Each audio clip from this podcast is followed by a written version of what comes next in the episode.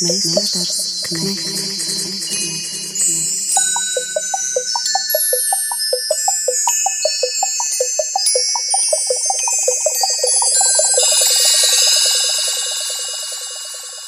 Meistars Knechts. Sveicināti! Pie mikrofona ir Silubriedis un šoreiz raidījumā par skolēnu dziesmu un deju svētkiem, par anonīmo anketēšanu Latvijas augstskolās un, jā, atkal jau mazliet arī par izslēgšanas kultūru. Runās Lijāna Langa, Margo Zālīte, Harijs Tumans, mēs uzklausīsim studējošās jaunatnes pārstāvis, bet vispirms par svētkiem domājot, Intervijā TV3 raidījumam 900 sekundes kultūras ministrs Nauris Puntulis teica, lielākais pandēmijas radītais zaudējums kultūras nozarei būtu skolu jaunatnes dziesmu un deju svētku atcelšana. Zaudējumi būtu divēji, gan finansiāli, gan emocionāli. Pat labi liekas, ka svētki būs, taču, protams, neviens precīzi nezina, kādi tie būs. Tātad svētki vai svētku imitācija. Svētku mākslinieckais padomus priekšsēdētājs Romāns Vanaks tendences, man liekas, ir tā starpība, ko mēs katrs saprotam ar svētkiem. Un, protams, svētki ir kaut kāds nu, svinības, kaut kāds nu, nu, notikums, priecīgs daudziem svētki ir tikai nu, izklaidēšanās. Īstenībā mūsu svētku pamatā ir daudz dziļākas, nopietnākas lietas. Dziesmu svētki mums nav tikai vienas dienas vai vienas nedēļas notikums, bet tas ir ilgstošs sagatavošs darbs. Nu, tā kā latviešiem jau svētku svinēšanai parasti ir tā ideja, tad tā sagatavošanās un tad paši svētki. Sagatavošanās ir bijusi, un diemžēl tā bijusi dažādās formās, arī traumēta. Līdz ar to mēs varam teikt, ka sagatavošanās process arī cietis. Pat ideja nedrīkstētu ciest, tāpēc mums jādara kaut kādi soļi tādi, lai šomēr šī tradīcija neapstātos šajā brīdī, kad ir kaut kas notiek pasaulē tāds vai mūsu valstī, ka mēs nespējam īsti vairs svinēt tos svētkus. Un tāpēc es domāju, ka mūsu dziesmu svētku nākotnes vārdā mums ir jāpasaka, ka šie ir atšķirīgi notikumi, kas bērniem kā nu, motivācija tomēr ir jāturpina. Tāpēc es nedomāju, ka jāsvin liela svētku pa spīti kaut, kaut kādām veselības problēmām. Galīgi nemaz ne, neviens netaisās tepat reiz kādu aplaist ar vīrusiem vai kaut kā tā, bet būtībā šī svētku sagatavošanās brīdis, redz, ja mēs nenātu pa skolēnu dziesmu svētkiem, tad droši vien teikt, nu tas jau pāries un būs nākošie svētki, un, un šitos kaut kā piemirsīsim, bet te ir runa par to pēctecību, un tāpēc skolēnu dziesmu svētku kustība tāda, viņai ir jāatrod veids, kā viņi tomēr šo lapas pusi pāršķirt un atvērt jaunu, jo tas nevar turpināties bezgalīgi, ar šo repertāru nevar dzīvot vairākas paudzes, jo pirmkārt skolēni beidz savus skolas gaitas un pāriet citā formācijā, vai tas ir studentu svētkos vai, vai, vai, vai kādos citos savos darbos vai pat studijās ārzemēs, un mums jāsaprot, ka galvenā problēma ir tieši šī paudze, tie jauniešu kori, kuriem šie svētki bija pēdējie skolēnu vecumā. Un, nu, tāpēc es nācis ar priekšlikumu, ka 23. gada dziesmu sēklos, kuras es ceru notiks tā, kā tam vajadzētu būt 150 gadus svinot, būs jauniešu kūra koncerts, kur tieši šie jaunieši, kuriem šie svētki pilnā apjomā nevarēja notikt, varēs notikt tad. Bet runājot par to pārējo procesu, kas nu ir iestudēts un samācīts dejas un korpu un pūtēju skaņdarbu, tad katram savu iespēju robežās savā vietā viņam tomēr varētu būt iespēja notikt. Protams, ārtelpos ārkārtīgi droši, atbalstoši tam, nu, tam brīdim, kādā mēs būsim. Žēl, ka pagājušajā gadā nenotika svētki, jo pagājušajā gadā viņi būtu bijuši iespējami kaut kādā vairāk saprotamā veidā nekā tagad. Virsdirigents Gins Ceplinieks. Es domāju, ka gatavojamies viennozīmīgi svētkiem, gan bērni, gan pedagogi. Piemēram, ja mēs runājam konkrēti par Talsu novadu, kas ir manā pārziņā, Talsu skolu, koru diriģenti regulāri tiekamies zūmos un, un mainamies pieredzēs un labajos stāstos, kā vislabāk strādāt ar bērniem. Nav viegli katrā ziņā to darīt diriģentam, jo viņam ir vairāku klašu vecuma posmu bērni, bet, bet process notiek, svētkiem gatavojamies, un es domāju, ka svētki izdosies pie visdrošākā no drošākajiem epidemioloģiskajiem protokoliem. Un tagad virsvadītājs Dagmāras Bārbalas viedoklis. Uz šo jautājumu grūti tā viennozīmīgi atbildēt, jo, jo pirmkārt es nepiekrītu tam vārdam svētku imitācija, kaut gan tas varbūt no malas tā arī izskatās, bet tas izklausās tā, tā nevisai. Par svētku sajūtu runājot, šobrīd tā ikdiena ir tāda, ka vispār ir ļoti mainījusies uztver par to, kas tad ir svētki. mēs pietiekami ilgi jau dzīvojam tajā Zoom laikmetā un pietiekami ilgi satiekam dejotājus tikai caur tiem ekrāniem, ka jau tagad, kad ir iespēja tikties ārā, kaut vai ar distanci, bet, bet tā iespēja tikties ārā, viņa jau dod šo svētku sajūtu. Un, uh, kā lai saka, nu, jā, jāievēro visi epidemioloģiskie noteikumi. Un, un jādara maksimālais, ko mēs varam, lai tie bērni, kas ir gatavojušies šiem svētkiem, lai viņiem būtu tā sajūta, ka tas notiek un ka tas realizējās un ka tas ir pa īstam. Redziet, mēs jau uh, tik ilgi dzīvojot pandēmijas laikā, mēs jau katrs droši vien, ka esam vismaz vienu savu dzimšanas dienu piedzīvojuši. Un, uh, un, protams, ka mēs to savu dzimšanas dienu tagad svinam savādāk.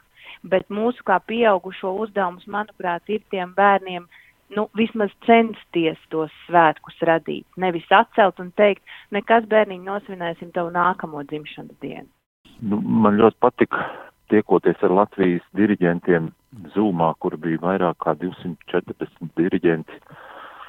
Izskanēja teikums kaut vienbalsīgi, bet tiekamies meža parkā kaut ar lielu distanci, bet esam tur, piedzīvojam svētkus un svinam svētkus kopā cik vien tas ir no drošības viedokļa iespējams kopā. Un, un, protams, ka prognozēt mums ir ļoti grūti šajā brīdī, kaut vai tikai tādēļ, ka meža parka estrāde ir, es teiktu, tā neiedziedāta. Neviena svētki jaunatklātajā estrādē vēl nav bijuši. Un kā tas būs no bērnu viedokļa, no dziedāšanas pa lielu gabalu, bērniem arī tas ir eh, pārbaudījums, ieturot lielu distanci, dziedāt vienam no otru, ieturot distanci. Nu, daudz ir nezināmā, bet katrā ziņā plānošanas eh, laiks jau vēl ir, un arī plānotāji būs visi ar pieredzi, un es domāju, ka tur būs labākie lēmumi pieņemti gan mākslinieciskā padomē, gan rīcības komitejā, tā kā svētkiem būs būt dziedās dziesmas tās, kuras diriģenti ir jau iebalsojuši kā visvairāk, kā vislabāk sagatavotās dziesmas. Šāda aptauja diriģentiem ir notikusi, un diriģenti ir no, nobalsojuši par, par, par labāk apgūtām dziesmām, kuras pamatā arī veido koncerta, tīksim tā samazināto koncertu repertuāru. Tā Gins Ceplinieks. Par dejām runājot, stadionā Daugava visticamāk nenotiks nekas. Kā varētu notikt dejošana meža parkā? Nosacīt pēdējā versija bija tāda, ka notiek koncerti Meža parka lielajā alejā. Tas ir tā, ka bez skatītājiem kolektīvi satiekās savstarpēji kolektīvs no kolektīva ievērojot šo distanci.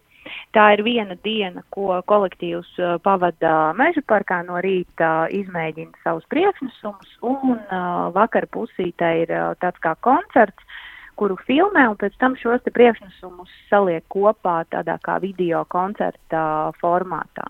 Pamatprincips, kādā mēs darbojamies, ir tas, ka katrs kolektīvs paliek tajā savā burbulī. Un, ja ir nosacījums, ka mēs savā, nezinu, 16 līdz 20 dejotāju burbulī drīkstam atrasties un varam būt droši, tad tas nozīmē, ka rīkojot šos svētkus, mēs esam, nu, pēc epidemiologu visiem norādījumiem drošībā, ja, šajā te burbulī. Presē bieži vien mēs redzam fotogrāfijas un, un, un mēdījos redzam video no iepriekšējiem skolēnu deju svētkiem, kuros ir redzami lielie laukuma zīmējumi, kur tiešām izskatās, ka tie tūkstoši dejotāji, ka viņi visi ir uh, kopā vienā lielā barā. Un šajos apstākļos tas, protams, ka tā nav un tas nav iespējams. Un mēs esam šajā te savā burbulītī, cik nu mēs varam būt droši. Vai zināms, kādā stāvoklī ir kolektīvu prasmes, iemaņas? Par šo laiku ir, ir labi mm, attālināto nodarbību materiāli tapuši, ir iedziedātas visas balsis, bet kas darās ar kori kā vienību, Tas ir, protams, arī viens lielais nezināmais skaniskā viedokļa, protams, un, un, un diriģents strādā ar, ar dziedātājiem individuāli un procesu uztur siltu. Mēs nerunājam šeit par attīstību un izaugsmu un augstu kvalitāti. Mums svarīgi procesu ir noturēt, uzturēt līdz viss ies sliedēs.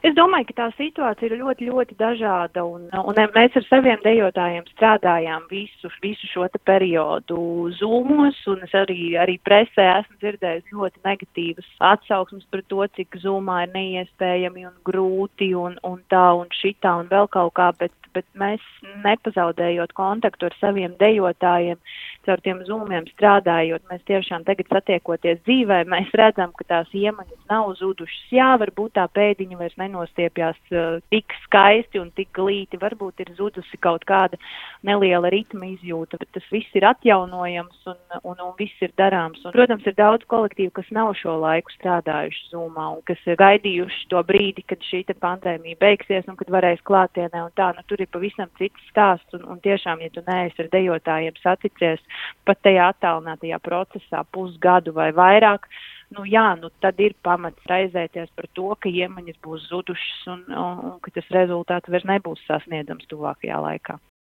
Igaunijā jaunatnes dziesmu svētkus pārcēla uz 2022. gada vasaru. Tas ir loģisks lēmums no Igaunijas viedokļa skatoties, jo svētki nav gatavībā. Mums svētki ir lielā gatavības stadijā, un, un viņi ir tikai jāizdara, jāpieliek punkts, jāmierina gaidas, kā saka, ieguldītais darbs ir jāatrāda un jāsvin svētki kopā. Es teikšu tā, ka Igaunija ir izdarījusi labu izvēli, jo svētki vēl ir negatavi un process nav nokomplektēts tik labā stāvoklī, kāds šobrīd Latvijā. Protams, tas nesalīdzinām Igaunijas piemērs ar Latviju šobrīd. Jā, man liekas, ka par to runā par maz, jo ir radies iespējas, ka pilnīgi identiskos apstākļos Igauni pārceļ un ne, latvieši nepārceļ. Tās ir pilnīgas muļķības. Latvijā tātad svētkus nepārcels. Dagmāra Bārbale. Tas, kas ir eh, man kā kolektīvu vadītājam šobrīd konkrēti šos svētkus pārcelt būtu ļoti, ļoti netaisnīgi pret skolēniem, jo, jo viņi tās dejas dejo jau vairāk kā divus gadus. Un saprotiet, ja bērns pirmajā klasē ir mācījies deju balodītis, piemēram, ja, tad viņam viņa ir jādejo arī otrajā klasītē un nu jau trešajā klasītē, un tūlīt viņš jau būs beidzis ceturto klasi, bet mēs viņam joprojām liksim dejot to deju, kas viņam atbilda viņa vecumam pirms četriem gadiem, nu vai diviem vai trījiem, mēģinu sazinu, cik mēs ilgi dzīvosim tajā pandēmijā. Līdz ar to es arī esmu viens no cilvēkiem, kas uzskata, ka šo repertuāru, ko tie bērni ir gatavojuši jau tik ilgi, viņiem viņš tīri cilvēciski vairs nav piemērots. Tāpēc es arī esmu no tiem, kas uzskata, ka pārcelt šos svētkus nevajag, ir jāpieliek šim punkts, un tālāk jāskatās nākotnē ar, ar svaigām acīm, ar citiem uzvedumiem, koncertiem, projektiem un tā tālāk. Tātad pārdzīvojam šos, kā varam un kādas iespējas mums tiek dotas, un pēc tam sākam jaunu dzīvi.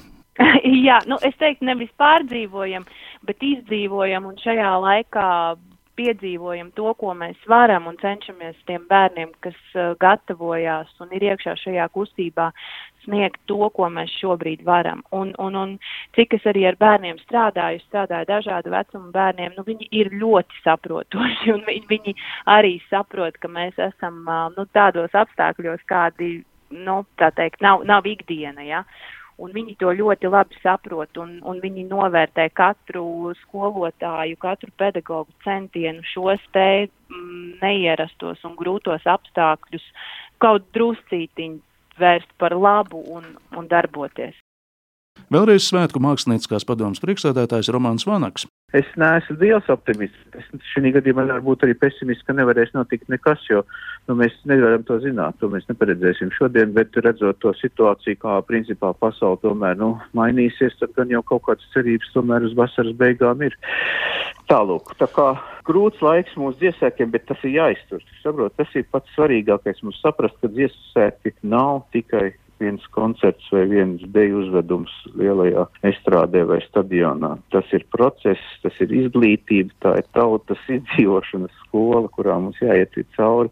Un, un, un tas ir mans redzējums, un es esmu pietiekoši vecs, lai es droši varētu teikt, ka mūsu svētki ir izdzīvojuši daudz traģiskākas lietas droši vien. Te ir, te ir jā, jāsaspriež, kā saka Polaks visi pirksti, lai paliek sarkani kaut kā, bet mums ir jāiztur šī lieta, sakos tiem zobiem. Un, un tāpēc tie, kas pasaka, ka svētki kādu vēl tur svētki, tagad tikai klepus, nē, nē, nē, domāsim labāk, kā kaut ko darīt, nevis kā neko nedarīt, jo tas ir šis vieglākais. To es negribētu iet. Romāna Vanaga apņēmībai pievienojas Gins Ceplinieks. Nu, man vēl prātā ir tas uh, teiciens, kāpēc mēs nedrīkstam neizdarīt šo notikumu, kāpēc svētkiem būtu jānotiek tā pa īstam. Man gribas citēt uh, meistarklasēs Laudāmus plus Daņu Īvānu pausto, ka ja nu kādai tautai ir dzimšanas diena, tad tie ir pirmie dziesmu svētki. Tad skolēnu dziesmu svētki ir tas brīdis, kad katrs mazais ķipars jaunietis piedzīvo to latvietības brīdi sevī, un viņam ir ļauts piedzīvot un izdzīvot un piedzimt piederīgam savai nācijai, savai tautai. Un tas ir tas, kāpēc mēs nedrīkstam kropļot nācijas veselību. Svētkiem jānotiek. Tik tālu par skolu jaunatnes dziesmu un deju svētkiem. Paldies Dagmārai Bārbelē, Gintam Cepliniekam un Romānam Vanagam, lai izdodas!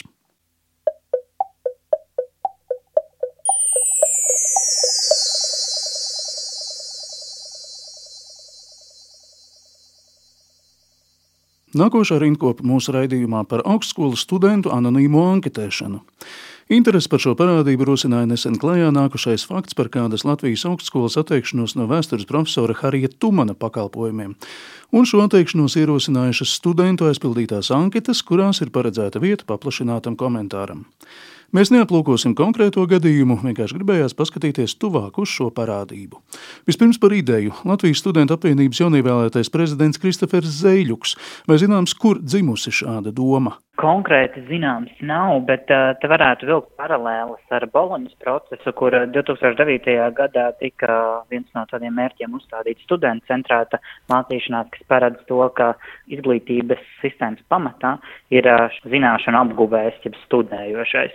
Un tad, uh, izējot no tā, ir uh, nu, likumsakarīgi, ka tiek apzināts studējošo viedoklis, un uh, viens no efektīvākajiem veidiem un uh, vienkāršāk īstenojamākajiem atrasts ir šīs anonīmās uh, anketas. Tātad tas nav ne Latvijas izglītības ministrijas, ne Latvijas augstskola iniciatīva, tā ir šīs starptautiskā prakse, tā? Jā, tas tiek īstenots vairākās uh, valstīs. Vai ir zināms, kāpēc šīs aptaujas ir anonīmas? Šis ir katras augstskolas ziņā arī vai veikt šo anketēšanu vai nē, kā apzināt šo studējošo viedokli, bet uh, pieļaujams, ka tāpēc, ka tai varētu būt lielāks respondentu skaits, uh, jo studējošie nejūtas tik apdraudēti, ka viņu viedoklis, ja pieņemsim, viņi parakstās, ka kāds konkrēts Jānis Bērziņš, ka pret viņu var vērsties pasniedzējs, piemēram, pie slikta vērtējuma, un, pieņemsim, ir studiju kursi, kur ir vairāki pie viena pasniedzēja, ka tas nevar, tā teikt, atspēlēties vēlāk pret šo studējošo. Jā, bet mēs redzam, ka ir situācijas, kad tas atspēlējas pret docētāju. Nedomāju, ka tas nāk no tādas vienas anketas, jo arī augstākās izglītības iestādes raugās pēc labākajiem uh, docētājiem un pasniedzējiem. Viņu mērķis nav tā teikt, pēc viena gadījuma atbrīvot docētāju no pienākumiem. Bet nu, šīs anketas var palīdzēt vērot tendenci, un, ja, piemēram, vairāk studējošie cauri gadiem, piemēram, vai caur vairākiem studiju kursiem, norāda vienas uz tās pašas problēmas, tad uh, augstskolu vadība ir vērsta uz to risināšanu, un, attiecīgi, kā viņi tās risina, tas jau ir uh, augstākās izglītības iestādes vadības jautājums. Tā Kristofers Zēļuks. Vārds Latvijas Universitātes studentam Edvardam Krustam. Teorētiski tā paredz uh, ievākt studentu informāciju par studiju procesu. Būtībā mēs katra semestra beigās aizpildām anonīmās anketas un arī sniedzam anonīmus paplašinātus komentārus par studiju kursiem. Un šī sistēma ir ieviesta ar mērķi tādu, ka universitātes oficiālā politika paredz ņemt vērā studentu viedokli, kas ir iegūts šīs anketēšanas laikā lai atsaucoties uz to, tā būtu tiesīga un patiesībā arī ieinteresēta veikt kaut kādas izmaiņas studiju procesā ar mērķi uzlabot to, padarīt atbilstošāku studentu vēlmēm un, un interesēm. Tas būtu tas oficiālais. Tā tad ir maldīgs bijis mans priekšstats, ka anonīma anketas aizpildīšana ir izvēle. Tas ir studentu pienākums, vai tā? Tieši tā, pretējā gadījumā nav iespējams vienkārši reģistrēties nākamajam studiju semestrim, un, un mums tas ir jādara piespiedu kārtā. Ar dzinieci Lijānu Langu runāsim par izslēgšanas kultūru, taču sarunā sanāca pieskarties arī anonīmajai anketēšanai. Man liekas, ka šī anonīmā anketēšana, kuru nav iespējams pārbaudīt, tā arī ir katastrofa. Pie kā tas noved? Bet tieši tā anonimitāte vai vispār pasniedzēja vērtēšana? Sāksim ar jautājumu, labi, studenti vērtē pasniedzēju darbu. Es arī nekad nedomātu, ka pasniedzējiem ir absolūtā 120% autoritāte. Bet no otras puses, Sores, nu kā var ola vērtēt vistu? Nu kā var pirmā kursa students, kāds ir viņa spējas izvērtēt profesoru? Nu, mēs esam devuši viņam ilūziju par to, ka viņš to var. Jā, kāpēc ir šī apgrieztā kārtība? Kāpēc ir šīs hierarhijas nojaukšana? Kāpēc 18, 19 gadīgs jaunietis vērtē 60-gadīgu profesoru, kurš savā profesijā, statusā un zināšanās ir ieguldījis visu savu dzīvi. Tas arī ir zināmā mērā apvērsums. Liāna Langa, Ola māca vistu. Edvarda Krusta viedoklis.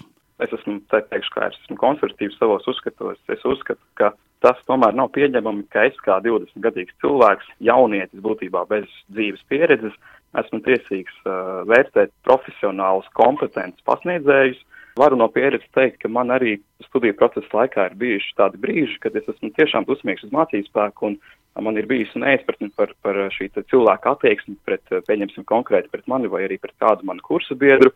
Un, attiecīgajā brīdī es esmu domājis, nu kā tā var būt, tas taču ir nepieņemami. Es gribētu atrieties šim cilvēkam, tomēr ejot laikam un uh, sekmīgi šīs problēmas atrisinot uh, citādos veidos, es esmu sapratis, nē, paldies tomēr šim te pasniedzējiem, kurš man ir mācījis, jo es esmu attiecīgajā brīdī kaut ko ne tā pareizi sap, esmu nepareizi sapratis, esmu pārpratis, un pasniedzējs vienmēr ir uh, ieinteresēts darīt labu studentam, un bieži vien arī šī labā darbība pret studentu nāk caur sāpēm, un tas ir tikai pilnīgi normāli. Tā kā patiesībā problēma ir tāda, ka mums kā studentiem nav ļoti liela dzīves pieredze, mēs šobrīd mācāmies, daudz ko nesaprotam, Bet uh, axioma ir tāda, ka pasniedzējs vienmēr ir ieinteresēts darīt labu studentam, un tas ir vienkārši jāpieņem par patiesību. Tā ir Edvards Krusts un ko Latvijas studentu apvienības prezidents Kristofers Zēļuks par anketas saturu. Nu, te ir jautājums par to, kā ir sastādīta anketa, jo, protams, mēs nevaram, um, tā teikt, likt vērtēt iegūtās zināšanas, bet mēs varam lūgt vērtēt tās metodes, cik ļoti skaidrs ir, pieņemsim, mācību saturs studējošajiem, vai metodas ir apmierinājušas, vai pielietotie materiāli ir bijuši aktuāli. Jā, konkrētu, pieņemsim, kā ir pasniegts saturs, saturu vērtēt studējošais visticamāk nevarēs, ja tas būs, piemēram, pirmā kursa studējošais bakalaura programmās, te ir vairāk jāskatās uz tādu absolventu iesaisti, lai novērtētu, vai tas ir bijis aktuāli vai nē. Bet tā, ja mēs skatāmies uz, ko studējošais var novērtēt, tas ir atkarīgs no tā jā, satura, kas tiek ielikts iekšā aptaujā. Tik tālu studenti. Mēstara Knekta sarunbiedrs ir arī vēsturnieks Harijs Tumans. Tā doma varbūt ir bija laba nodrošināt atgriezenisko saiti starp uh, augstskolas vadību un studentu. Tikai es gribu piebilst, ka tā jau nav universitāte tikai problēma. Tā ir arī citu augstskolu, tas arī citur tiek praktizēts, jā, jau zināt, arī kultūras akadēmijā, un es domāju arī visam citur. Visticamāk, tā ideja nāca vispār no izglītības ministrijas, jā, es nezinu, kā, varbūt tas tika uzspiesti augstskolam vai vēl kā, to es, protams, nezinu, bet doma bija, protams, nodrošināt šo atgriezenisko saiti, Bet uh, es domāju, ka jau daudzas labas idejas tā nesliktos augļus. Ja tāda izpildījumā tas, protams, nekā savādāk arī nevarētu būt. Jo, man liekas, tas ir ļoti lieki, jo pastāv studentiem tāda pārstāvniecība katrā augstskolā un arī katrā fakultātē, kā studenti var paust savu viedokli. Vispār ir ļoti daudz veidu, kā risināt kaut kādas konflikta situācijas, ja tāds rodas, kā paust savu uh, attieksmi, ja ir kaut kāda problēma. Taču ir bezgal daudz variantu. Un šodien jebkura augstskolas vadība, jeb, jebkura fakultātes vadība vienmēr interesē studentā un ļoti uzmanīgi klausās un ieklausās, ko studenti saka. Tādēļ, nu, manuprāt, tas ir pārspīlēts un nevajadzīgi. Ja? Es, es to uztveru tikai kā e, mēģinājumu uzspiest tādu kontroli, jo mēs vispār redzam, ka pēdējos gadu desmitos gados, jā, tas ļoti aktīvi visur arvien vairāk, vairāk kontrolēt, kontrolēt, kontrolēt. Tas, kā, tas faktiski visās divas sfērās, visās darbos mēs redzam šo tādu maniekālu tīksmi vairāk kontrolēt, visu un ciparos, dabūt maksimālu efektivitāti un tā tālāk, un tā tālāk, tā tālāk. Jā, tas ir viens no veidiem, jā, tas ir šī sistēma, bet, protams, tā kļūst arī par ideoloģiskas kontrolas instrumentu. Gribot vai negribot, jā, bet tā tiek izmantot šobrīd, un tā, tā ir tā bīstamība. Uh, un es, protams, piekrītu tam, ka, uh, nu, ka situācija ir tāda, ka olas sāk mācīt visi, jā, tas man uh, tiešām, tie, tiešām tā arī ir. Jo, nu, visiem ir savi stāsti par, uh, arī vecāks pauzē cilvēkiem ir savi stāsti par skarbiem skolotājiem, prasīgiem skolotājiem un pasniedzējiem, kuri radīja sašutumu, pret kuriem bija dusmas studiju laikā, bet pēc tam, kad pagāja gadi, Tā pavisam nes, kāpēc tieši to skolotājs atcerās ar pateicības vārdiem. Saka, cik labi, ka viņš bija prasīgs. Ja? Nu, bet, bet nu, tagad tā, ka tagad tiešām studenti šis vēl ko nav sapratis. Ja? Nu, tagad uh, viņam tiek iedots tiesības, nu, rakstīt ļauzats, izpausties, ja? izpaust savas dusmas, pierīb cilvēkam, kurš vēl, viņš var pat nepadomā par sekām. Ja? Un pēc tam varbūt viņš nu, to nožēlos, bet nu, dodai brīdī tās iespējas viņam ir iedots. Un es uzskatu, ka tas ir, protams, aplami. Edvards, es vaicošu jums, vai ja šī sistēma būtu nevis anonīma, bet uh, atklāta, kas, protams, laikam ir pret pašu ideju, vai tā būtu cita situācija, kā jūs teiktu? Jā, es domāju, ka tā būtu cita situācija, bet uh, atklātība nav vienīgais, ko mēs pieprasām. Mēs pieprasām arī to, lai šī anketēšana nebūtu obligāta, jo būtībā tas, ka tās tiek veikts piespiedu kārtā, jau pašā saknē pret to rada tādu kā negatīvu pieskaņu. Tātad, eh, jebkurā gadījumā students, kā cilvēks, kurš ir eh, tendēts iegūt kvalitatīvu augstāku izglītību, ir ieinteresēts arī patiesu studiju problēmu risināšanā, un šajā gadījumā studenti nebaidās paust savu viedokli atklāti, tādēļ šī anonimitāte gluži vienkārši ir lieka, nav vajadzīga. Vai jums ir arī dombiedri, vai jūs esat vientuļš putns savā uzskatā? Nebūtu nē, kā jau minēju, lielākā daļa studenti ir ļoti negatīvi par šo anonīmo piespiedu anketēšanu, un es neesmu viens, nē, man ir atbalsts no vairākiem studiju kursiem, ne tikai no maniem kursabiedriem, arī no pirmā kursa, no trešā kursa, es pat esmu otrā kursa students.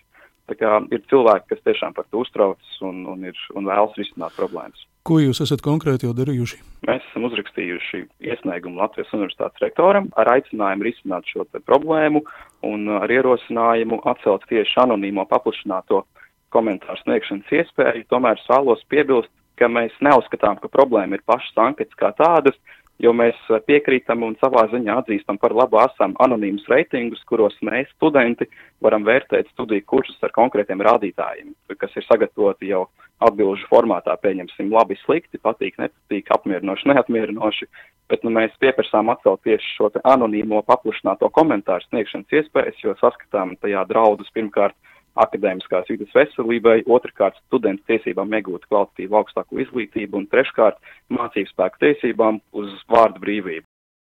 Vai par Latvijas Universitātes studentu iniciatīvu dzirdējis Kristofers Zēļuks? Līdz šim, līdz manai dzirdēšanai, tas nav nonācis, kā ir iebildumi tieši pret uh, atvērto jautājumu. Bet uh, nav jāskarās tikai uz šo negatīvo, un te arī ir jāpieiet tiem, kas analizē apstāju saturu, protams, objektīvi tam atkal nevis ņemot vienu gadījumu, vai arī, ja tas tiešām ir sāsnās, tad meklēt, kur tas ir radies un, un vai tas atbilst patiesībai.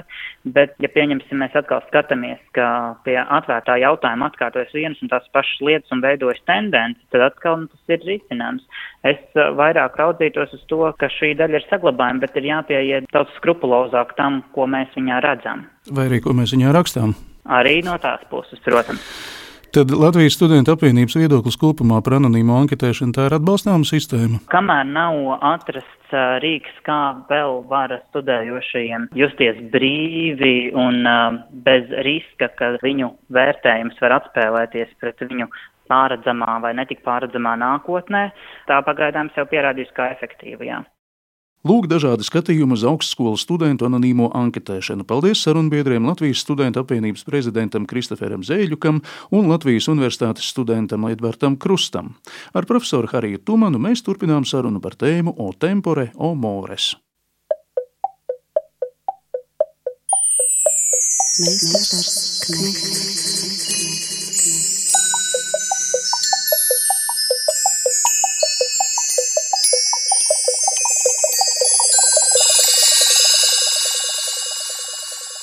Meistars, knehts. Mm, šī hierarhijas nojaukšana, vai tā vispār nav šobrīd viena no raksturīgākajām mūsu laiku pazīmēm? Protams, jā, tā ir. Tas, bet tas, tas redzat, tas raksturo jebkura revolucionāro laikmeta situāciju. Atcerieties, Bolševiku revolūcijā nu, noteikti tādos pašos apstākļos, tādā pašā garīgā un intelektuālā atmosfērā, kur, protams, izveidojas vesela paudzes cilvēku, kuri uzskatīja, ka viņam ir jāmaina pasauli, ka vecs autoritātes ir jāgrauj, nu, un tad tur ir kaut kādā brīdī izskan, atskanēja signāls, jā, Aurora uh, deva savu zalvi, jā, un sākās Ziemaspils šturmēšana, un pēc tam ar visam sekām. Uh, ja, ja pirmā brīdī vajadzēja tikai nomainīt iekatu, pēc tam mēs zinām, ka fiziski sāk izreikināties ar un tiem, kas pārstāv to īstamo veco pasauli. Un skatos, ka ideoloģiski, nu, tagad notiek kaut kas ļoti līdzīgs. Tas, principā, tas tiešām, nu, tāds laikmets, kur visas autoritātes tiek nojaukts un nograuts, bet tas ir ļoti bīstami, jo rezultātā tiek grauta kultūra, civilizācija, valsts, sabiedrība. Un tas ir ļoti, ļoti bīstams simptoms, manuprāt.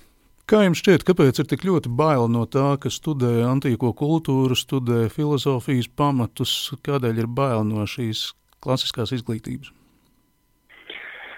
Nu, jā, tas arī jā, ir liels jautājums, jo tiešām ir tāda tendence, ka jau sāk apkarot klasiskās studijas. Jau New York Times rakstīja, ka jau sākās uzbrukumi klasiskai izglītībai, jo tā tiek pasludināta par rasistisku, un visām tiek kultūra rasistiska un nepareiza un tā tālāk. Tā tālāk. Jā, Princetons paraugs, piemēram, vai ne? Jā, tieši tā. Tas ir, nu, tas ir tas, jā, tas kreisais liberālisms, kas šodien triumfē. Nu, principā tiešām te prasās tā paralēli ar bolševismu, nu, tiešām ļoti lielā mērā. Tas tik līdzīgi, mēs esam jau gājuši cauri tam visam, ja, nu, skatos, tagad, tagad atkārtojas, un ja jūs jautājat, kādēļ tas ir bīstams, kādēļ tas tiek apkarots, nu, es to atkal saistu ar uzbrukumu kultūrai, ar lielo burtu kultūra un civilizācija, jo nu, antīkā kultūra ir viens no diviem Eiropas kultūras pamatiem, otrs ir kristietība. Visnībā jau abi divi tiek apdraudēti un apkarot mūsu dienās. Un, Nu, acīm redzot, nu, ir, ir kaut, kāda elites daļa vai, vai cilvēka daļa, tad grūti pat pateikt, jā, kas ir tas aktors, jā, tam visam, bet acīm redzot, nu, tā tendence ir iezīmēt tāda, ka, nu, tiek apkarot tieši šī kultūras apzināšanās saikne ar kultūru, kultūra kā tāda. Nu, acīm redzot, vajadzīgs cilvēks funkcija, cilvēks krūvīt kaut kādā mehanīzmā, kurš ir brīvs no kultūras, jo, redziet, grūti manipulēt ar cilvēku, kurš ir labi audzināts, izglītots, kuram ir kultūras bagāža, uh, un viņam nevar iestāstīt, ka viņam vajag, ka viņš nevar dzīvot bez kaut kādiem gadžetiem, ja, ka vajag balsot par tiem, nevis par tiem, un tā tālāk.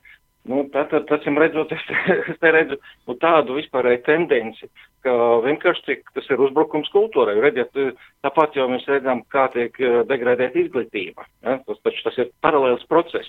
Tā, tā ir viena liela sistēma, un šī sistēma man biedē, es teikšu godīgi. Es, es, es skatos ar bažām uz to, kā tas viss attīstās. Kā jūs teiktu, kas ir lielākie draudi šobrīd Latvijas domas telpai, sakarīgas domas telpai? Nu, tieši tas, pirmkārt, tieši vārda brīvības apdraudējums. Jā, par to, manuprāt, ļoti labi savos tekstos izteicās Salvis Hermanis, jā, es viņam pilnīgi piekrītu, un šur un tur mēs uh, dzirdam tādus signālus.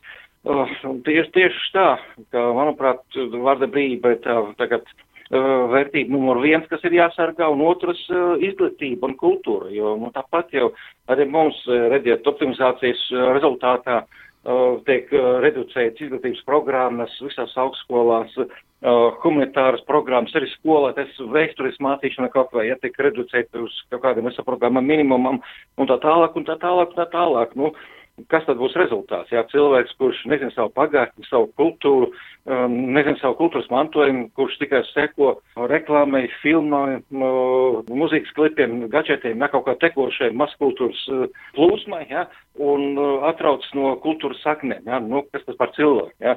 Tas ir uh, manipulējams objekts, jā, tas ir vispār, varbūt, nezinu, vai viņi var tā pilnā mērā pat par cilvēku varēs nosaukt, bet, esam redzot, ja iet uz to, Es domāju, ka šīs divas lietas mums ir aktuālākas. Vārda brīvība, kultūra, izglītība. Nu, tā faktiski jau sanāk trīs. Mm, trīs jā, jā, jā. jā, trīs. Lūk, profesora Harija Tumana trīsvienība. Ar Hariju Tumanu mēs tiksimies vēl raidījuma finālā, bet tagad neliela diskusijas imitācija, jo diskusijas klātienē pagaidām nav iespējamas, un diskutēt, neskatoties sarunbiedram acīs, arī nav iespējams. Tādēļ mēs diskutējam, un kādēļ gan ne, ar tekstiem. Un šoreiz uzmanības lokā ir divi teksti. Viens no tiem 29. janvārī tika publicēts portālā arteritorija.com, un tas ir Kirila Kobrina opus piezīmes par atcelšanas kultūru. Viņš sāk ar Patrīciju Haismitu, kas bijusi patiešām briesmīga būtne, Un, ja mēs viņas darbus mērītu ar viņas personības mērauklu, tad iespējams nonāktu diezgan dziļā grāvī. Par sliktu uzvedību var atcelt Homeru, Šekspīru, Vāgneru, Rowlingu, Sidorovu, Allenu, Karavadžo, Haismitu, Džonu Smitu, Morisei. Šis saraksts ir praktiski bezgalīgs, tā saka Kirils Kobrins. Un savu ļoti interesanto tekstu viņš noslēdz ar jautājumu, vai vērts tērēt tik dārgo laiku, lai iedziļinātos Vudija Allena vai Čārlza Dikensa ģimenes dzīves apstākļos. Lūk, tas ir patiesi nopietns jautājums. Un, protams, tas ir jautājums par to, ka atcelšana ir tikai viens no pašreizējā noziedzīgi netaisnīgās lietu kārtības apsardzes veidiem. Tas ir Kirila Kobrina teksts. Un otrs ir Arta Sveces komentārs par vēstures pārrakstīšanu. Vai jāpārdēvē koledži, ja koledža dibinājis cilvēks, kurš naudu nopelnījis pārdodot vergus vai eksploatējot kolonijas? Vai kuldīgā jānojauc kurzemes hercoga Jēkabas skulptūru, jo Jēkabs bija kolonizators? Vai Ļeņina pieminekļa nojaukšana 91. gada augustā Rīgā bija vēstures pārrakstīšana par šo un citiem jautājumiem, kā arī par klasiskās kultūras studiju iespējamo saistību ar eiropocentrismu un rasismu, jautājums, kas šobrīd aktualizējas intelektuāļu vidē, par to raksta Artis Sveca. Abiem rakstītājiem var piekrist, var nepiekrist piekrist, bet abi teksti ir uzmanības vērti. Un par to, kā pasaule nonākusi tur, kur nonākusi, vispirms dzēniece Lijāna Langa. Es domāju, ka tas lielā mērā ir kultūra izglītības trūkums, jo šķiet, ka ir pārtrūkusi kāda saite ar uh, rietumu kultūras mantojumu un novērtējumu. Un man ir grūti spriest, kas tajā vainojams. Tā ir masveida parādība, nespēt lasīt tekstu nepazīt metaforas, dažādas poetiskas figūras, daudznozīmību, hiperbols un tā tālāk. Tas viss liecina par lasīšanas kultūras, nu, kaut kādu iespējams pagrimumu. Plus uh, tam ir pievienojusies tāda lieta kā pūļa psiholoģija. Es domāju, cancel culture vai izdzēšanas kultūra ir lielā mērā pūļa psiholoģijas fenomens. To jau savulaik savulaik formulēja franču zinātnieks Gustavs Lebons, kas tas tāds ir. Un, uh, nu, viņš ir teicis, ka puls ir neorganizēts cilvēku kopums, kur apvienojas cilvēki bez spilgtām individuālām īpašībām, tiem piemīt vienot psihiskā domāšana, tās rīcības pamatā ir būtībā neapzinātas darbības, automātiski vienot domāšana, kas pakļaujas, nu, viņš to formulēja kā vienu vadoņu vēlmēm. Nu, tagad laikam šis vadonis ir sociālais tīkls. Bet Piemēram, Lijāmas Kārleta gadījumā ir runa par to, ka institūcijas ir klusējot pieņēmušas kādu nerakstītu ētikas kodu, ja uz tevi krīt kaut mazākās aizdomas, tu esi vainīgs. Un tas nav ne sociālais tīkls, ne pūlis. Jā, nu es šīs tendences skatu kā nu, gandrīz vai katastrofālas, un, un, un šis gadījums ir dziļi traģisks ar dzīvības upuri, kas tāds vienkārši nedrīkstētu notikt, jo, jo demokrātijas lielākais iekarojums ir viens no lielākajiem, teiksim, tā ir vārda un izteiksmes brīvība. Par noziegumiem, nu līdz šim mēs tiesājām, bet kas ir šis? Tas ir lielais jautājums. Man jāatceras Kudzē romāns Negods, kur uh, pasniedzējs pavedināja studenti, un um, tad bija augstskolas profesūras padome, kas izmeklē šo lietu, un rezultātā atbrīvoja viņu no darba. Tas man būtu saprotams, bet kas ir šī parādība? Ar Liemu Skārletu nenotika ne īsti izmeklēšana, nebija nekāda sprieduma, un viņu vienkārši diskvalificēja. Tas, es domāju, tas nav, tā nav pieļaujama parādība rietumu pasaulē, un tā mūs pilnīgā nopietnībā apdraud. Bet, ja es jautātu tev, kā autorei, tad būtībā tu esi māksliniece, vai tev ir patīkamāk, ja tevi kā Liānu Bokšu nodala no dzēnietes Liānas Langas? Es domāju, ka tas ir mūža vecs jautājums, un viņš nav atrisināms. Katrā ziņā es vēlētos kā mākslinieks, lai vērtē manu poēziju, nevis interesējas par manu, teiksim, dzīvi. Nu, bet, teiksim tā, tagad tevi kāds izslēdz no sava loka, un izslēdz ne jau par to, ka tu raksti tādu vai citādu dzēju, bet par tavām domām, par taviem uzskatiem. Un līdz ar to šis cilvēks izsvītro arī tevi kā dzēnieci. Nu, es domāju, ka tā ir ļoti liela kļūda ar milzīgām sekām mūsu rietumu kultūrai, jo, kā jau tevis pieminētais Korbins raksta, mūsdienu sabiedrībai ir raksturīgi uztvert antīkos autors vai Šekspīru kā savus laika biedrus. un uh, bez jebkāda kultūras konteksta pārzināšanas mērīt viņus ar sava īslaicīgā, teiksim tā, politkorektuma olekti. Es domāju, ka tas vienkārši apdraud mūsu rietumu kultūru. Es minēšu vēl vienu piemēru. Iztēlosimies, ka, ka Brodskis uh, ir dzīvs un, un, un šodien uzraksta dzējoli, ko viņš uzrakstīja 92. gadā, veltīt Ukrainas neatkarībai, kurš bija ļoti indīgs, ļoti sarkastisks un ļoti rūkts, un uh, Ukraiņi viņam piedēvēja Ukraiņu fobiju, un pilnīgi pamatoti, nu, tā, tā teiksim, nav viņa poēzijas virsotne, tas ir politisks dzējolis, un vēlāk viņš nekad nav ticis publicēts un nav arī iekļauts Ļeva Loseva sastādītajā divu sējumu viņa dzējas izlasē. Bet kas notiktu, vai šodien pūlis izslēgtu Brodski no aprites līdz ar visu viņa ģeniālo mantojumu? Kurš būtu ieguvējis no šā? Jā, kaut gan dzējos ir tiešām iznīcinoši. Jā, jā, jā, vispār jau, teiksim, mūsu, mūsu rietumu, nu, kristietībā balstītā ētikā, tā varētu teikt, nu, mums ir raksturīgi tiesāt un nosodīt nevis cilvēku, bet viņa padarīto nedarbu. Vai, nu, mēs varam izteikties grēku, nevis pašu cilvēku. Jo vienmēr ir cerība, ka cilvēks var mainīties, nožēlot, rīkoties daudz labāk un tā tālāk. Bet kas notiek brīdī, kad mēs norakstām pašu cilvēku?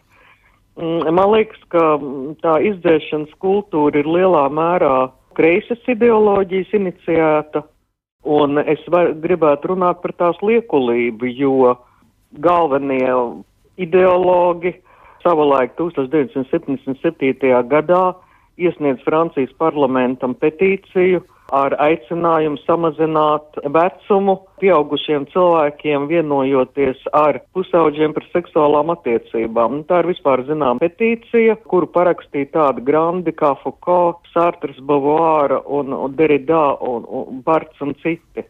Nu, man liekas, ka Barts pēc tam atvainojās un nožēloja. Nu, šie cilvēki nebūtu nav kancelēti no aprits. Bet tas jau vairs nav saistīts pat ar formālu izglītību, vai garīgu, vai intelektuālu, bet nu, es atļaušos lietot tādu varbūt novecojušu iedzienu kā sirds izglītību.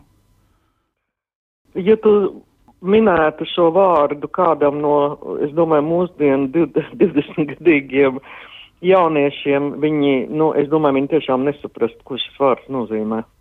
Visvairāk mani satrauc, teiksim tā, tieši rietumu kultūras apdraudējums, jo, jo ja tagad mēs jau izdzēšam Homēru no, no mācību programmas vai Šekspīru, no autorus, kas ir veidojuši mūsu faktiski rakstniecības pamatus, tad uh, ir liels jautājums, kā to vērtēt.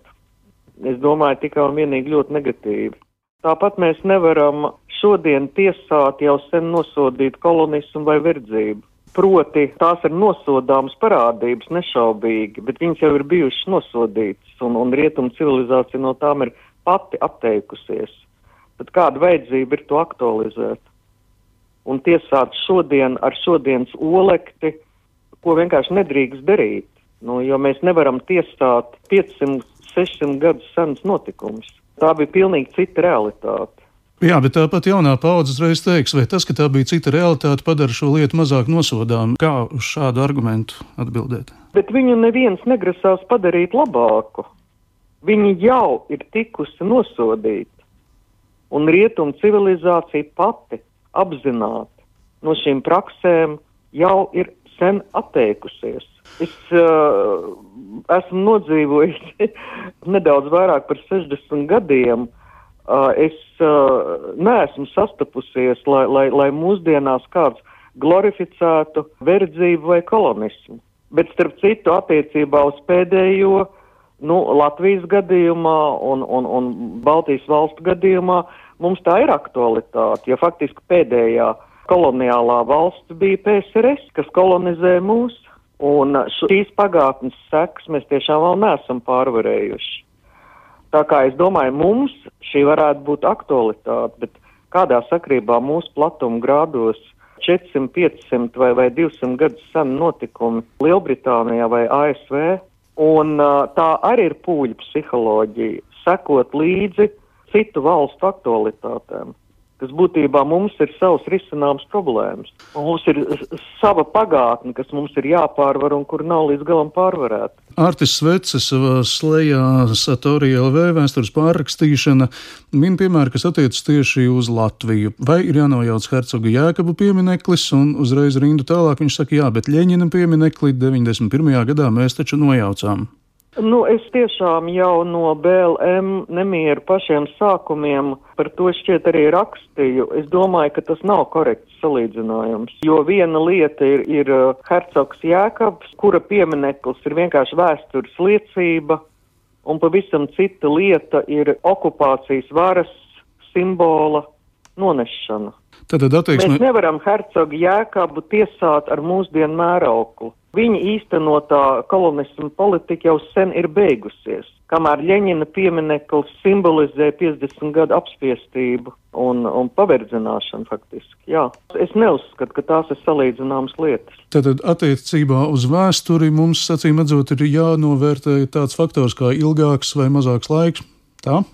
Es domāju, ka pilnīgi noteikti un hiperbolizējot un, un, un tā tālāk, faktiski par ko liecina pat renesans laika un, un, un, un tā tālāk pieminekļi, viņi visi liecina par netaisnīgu sociālo politisku iekārtu par dzimbūtniecību, par koloniālismu, par cilvēku paverdzināšanu, tad uh, kādas ir sekas, vai mēs jauksim nost visus šos pieminekļus, kas ir arī mākslas, kultūras un vēstures pieminekļi. Vienkārši 21. gadsimtā nosodīsim 15. gadsimta iekārtu feudālismu un jauksim nost pieminekļus, tas ir pilnīgs absurds.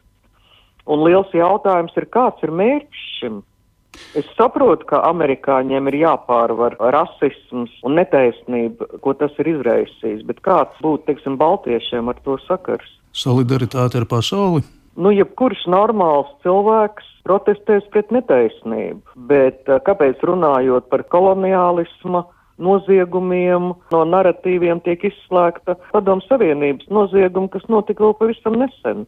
Un es domāju, ka mums ir jārisina sava pagātnes pārvarēšanas procesi, un hercoga jēkab piemineklis jāatstāj tur, kur viņš ir, jo tā ir tikai un vienīgi vēstures liecība. Mums nav ar viņu jānokārto nekādu rēķinu.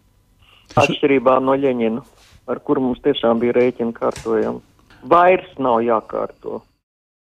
Tā runā Liana Langa. Mēs arī pieskaramies šūpuļdziesmu satura pārskatīšanai, valodas lietojuma atvieglināšanai. Jautājums, vai mēs metīsim ārā no grāmatas Pepijas tēti Nēģeru karali, vai metīsim ārā Blaumaņa žīdus un bites, met ārā Homēru, pāraksta Šekspīru. Es domāju, ka grāmatas pārrakstīt nedrīkst. Tās ir savu laiku liecības, un ir jāpāraksta nevis grāmatas, bet ir jāspēj jauniešiem izskaidrot un iemācīt kultūra vēsturiskie konteksti katrai parādībai. Ir jābūt nevis grāmatu pārakstīšanai, bet ir jābūt kultūra izglītībai. Tā Lijāna Langa. Mūsdienās daudz sarunu arī saistībā ar mītū kustību, kas joprojām nerimstas, un pēdējais skaļākais paraugs ir traģiskais gadījums ar britu choreogrāfu un dejotāju Liamu Skārletu, kuram atteica darbu Londonā, pēc tam atteica darbu vēl šur tur pasaulē, un diena pirms viņa aiziešanas atteica darbu arī Dānijā, Dānijas karaliskajā operā, un nākošajā dienā uzzinājām, ka Liams Skārlets ir aizgājis no šīs pasaules visticamāk pats, kaut arī skaidri tas laikam nav pateikts. Tā tad aktualizējas jautājums par cilvēku aiz mākslas darba. Nu, piemēram, vai šo cilvēku vēlas redzēt režisore Margo Zālīte? Es savā pasaulē, jā, es gribu redzēt cilvēku, kas ir aiz šī mākslas darba. Jā, es noteikti par to.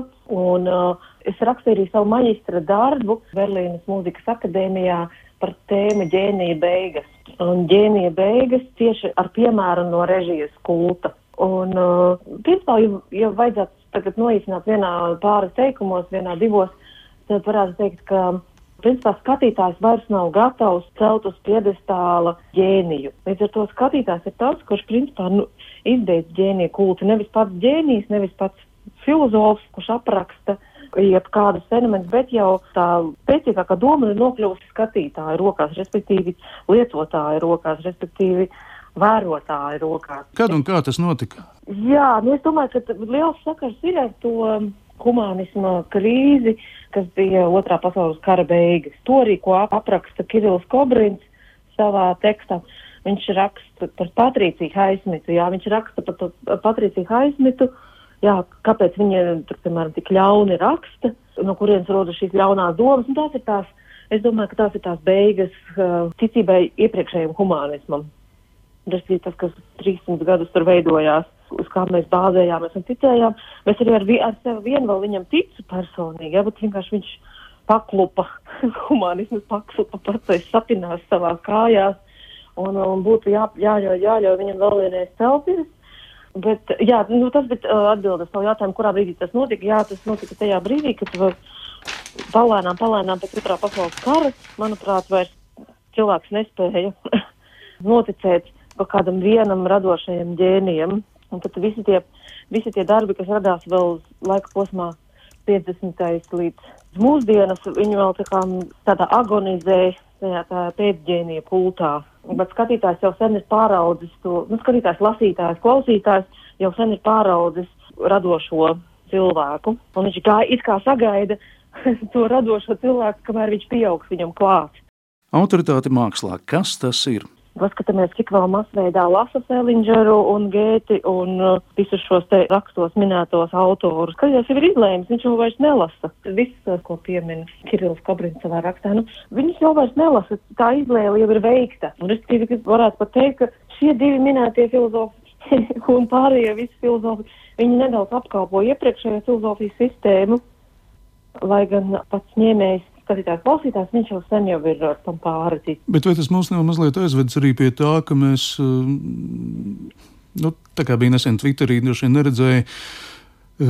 Skats uz tautas dziesmām, jā, jā, žūžu, kādas šausmas, vecāki mežā, bērns viens pats mājās, jā, veldspēlīti, saldumīgi, grauzēja bērnam gultā. Vai sakot, nu, analizēt kaut ko tādu, kas, kas man liekas, kaut kādai dekonstrukcijai, nu, it kā pat nepakļaujas, bet nē, mums ir jātiek klāt kaut kādam jaunam saturam.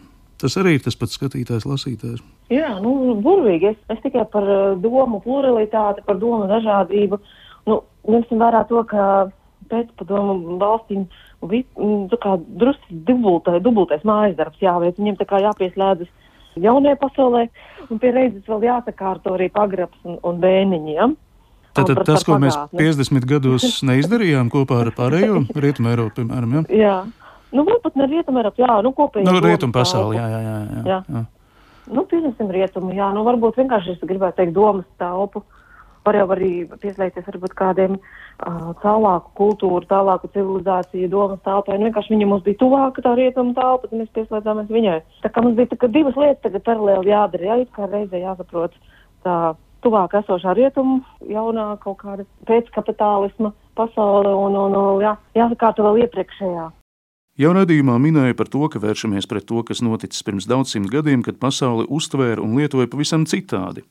Arī ar Margo runājam par šo tēmu. Es no sava brīvdomātāja skatu punkta teiktu, jā, ja, ja ir koloniālismu vēsture, tad viņa ir jāizrevidē un jāplēš nost. Nu, ja tev ir kaut kādas uzlīmes un plāksteris uz uh, dibena, tad, tad, tad viņi jāplēš nost. Kam, jo, ja tik ilgi tu turēsi tur tās. Uh, lietas, nu, kuras mēs vairs nepārstāvam. Ja? Mēs, mēs taču vairs nepārstāvam to verdzību. Kāpēc tad viņas vēl ar vienu vēl turēt? Un, nu, var jau atstāt vienu ļaņina pieminekli kā atmiņas, kā melanholiju, bet, uh, bet ne jau tagad turēsim visā pēcpadomu savienībā visus ļaņina pieminiekus. Un tā, ļoti līdzīgi. Es jā. tikai aizdomājos, jā, bet nu, skatāmies tā, nu, cilvēks savā laikā viņš ir vienkārši dzīvojis tā, kā dzīvoja arī visi citi. Uh, Pat nenojaušot, ka pēc 200, 300 gadiem viņu tagad mm, kārs, kārs virvē, vai šai vēstures revidēšanai ir kaut kāda racionāla jēga? Nu, es domāju, ka cilvēks kopumā nav mm, īpaši racionāla būtne. Es tieši šobrīd, pirms ar tevi sazvanījos, es skatījos dokumentālos kino par 4. un 5. gadsimtu, ja, par lielo tautu staigāšanu. 4. un 5. gadsimtu es gandrīz neko nezināju. Vienkārši, nu jā, nu tur gal, galindi jāatvingi, kas tur viens ar otru cīnās, hutāņu un visādas tautas, un viņi pārslauka viens otru. Ļoti, ļoti pārsteidzoši atnāk un, un pārslauka pāri iepriekšējā tauta nākamo. Nu, it kā varētu cerēt, ka varbūt mēs esam jau drusciņi tālāk, bet varbūt mēs esam vēl ar vienu turpat nāk kaut kāda jauna kultūra pāri un, un, un noslauka iepriekšējo ar fizisku vai ar domas varu. Izklausās, ka tu esi gandrīz vai jau samierinājusies ar to. Nē, nu savā ziņā tā ir pat interesanta, interesanta lieta, jo tas nozīmē, ka mēs atrodamies pašā kaut kādā degpunktā. Nu, vai, vai sākumā, degpunkta sākumā, jā. Et, nu, Nē, fatālists tiešām uzskata, ka dažas tautas un iespējams arī baltu neizdzīvos kopumā baltu kultūras. Bet, ja skatāmies uz rietumu kultūru, to, ko arī tagad mēģina pārrakstīt un mest ārā no vēstures un literatūras dažādus cilvēkus, varbūt tā ir diezgan līdzīga zīme.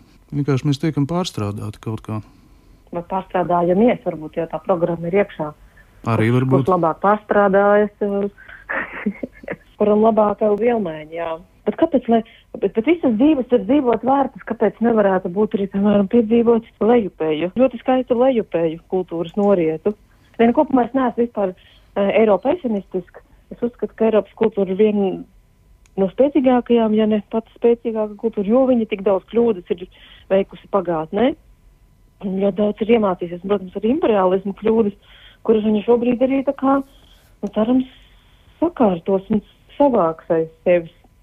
Jā, un, un līdz ar to varbūt arī, un skaties, kā tibetieši um, klosters, viņi pirms tam bija arī karotāju un uh, ļoti, ļoti nežēlīgi karotāji. Ja?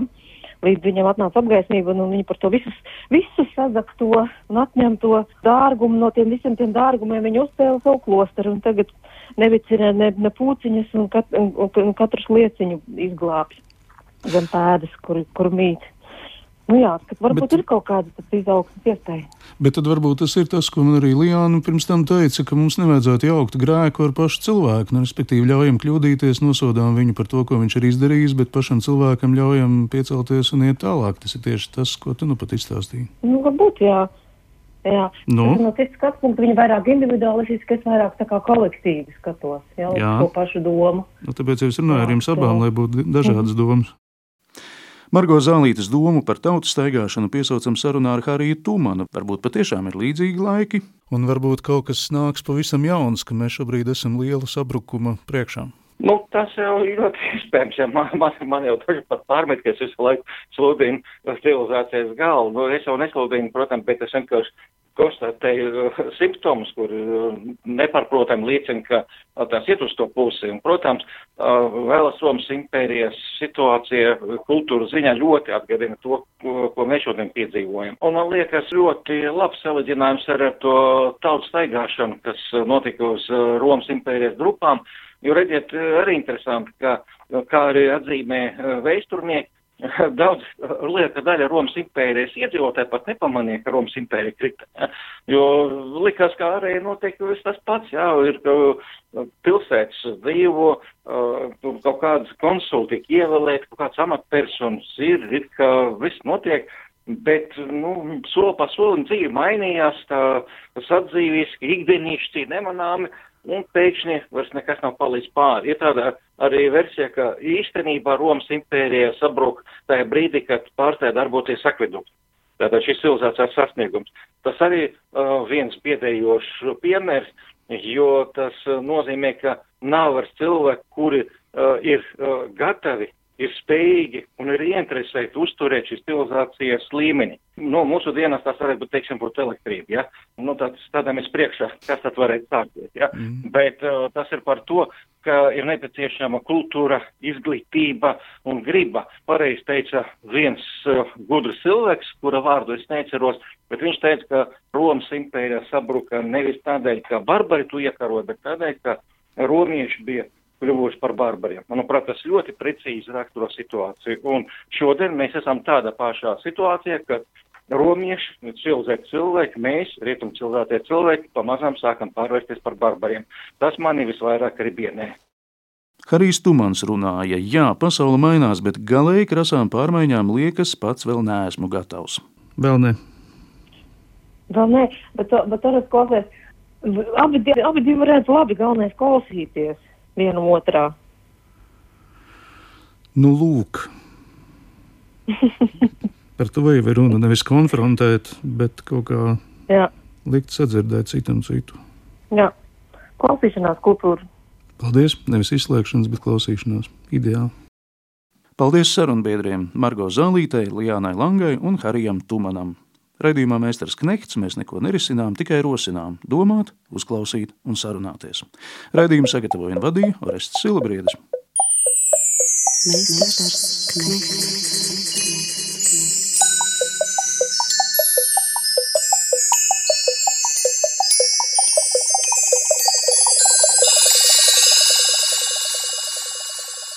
Meistars Knechts.